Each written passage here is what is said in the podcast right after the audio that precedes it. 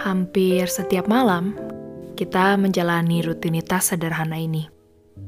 Kamu akan menjemputku dengan mobil abu-abumu, dan dengan suaramu yang khas, kamu memanggil namaku di depan pintu rumah berwarna coklat yang sudah berkarat.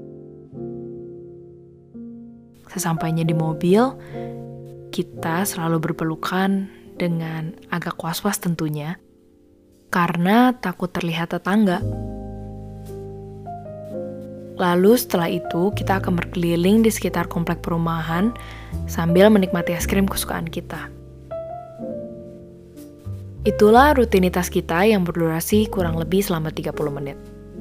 Kita tahu kalau besok pagi pasti kita akan ketemu lagi di lorong kantin sekolah seperti biasa.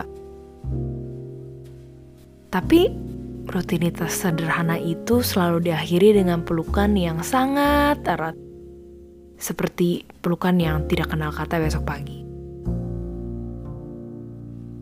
Entah kenapa, malam itu berbeda dari biasanya.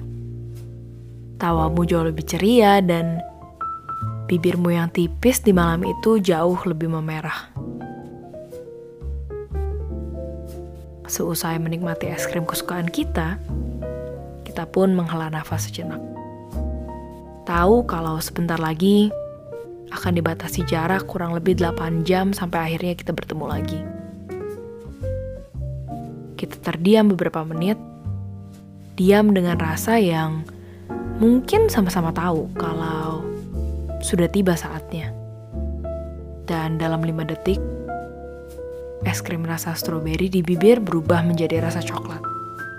Karena dalam detik-detik itu, bibir naif kita bertukar rasa untuk pertama kalinya. Dan malam itu, pelukan kita yang agak was-was akhirnya tergantikan dengan ciuman manis di bibir yang semanis es krim.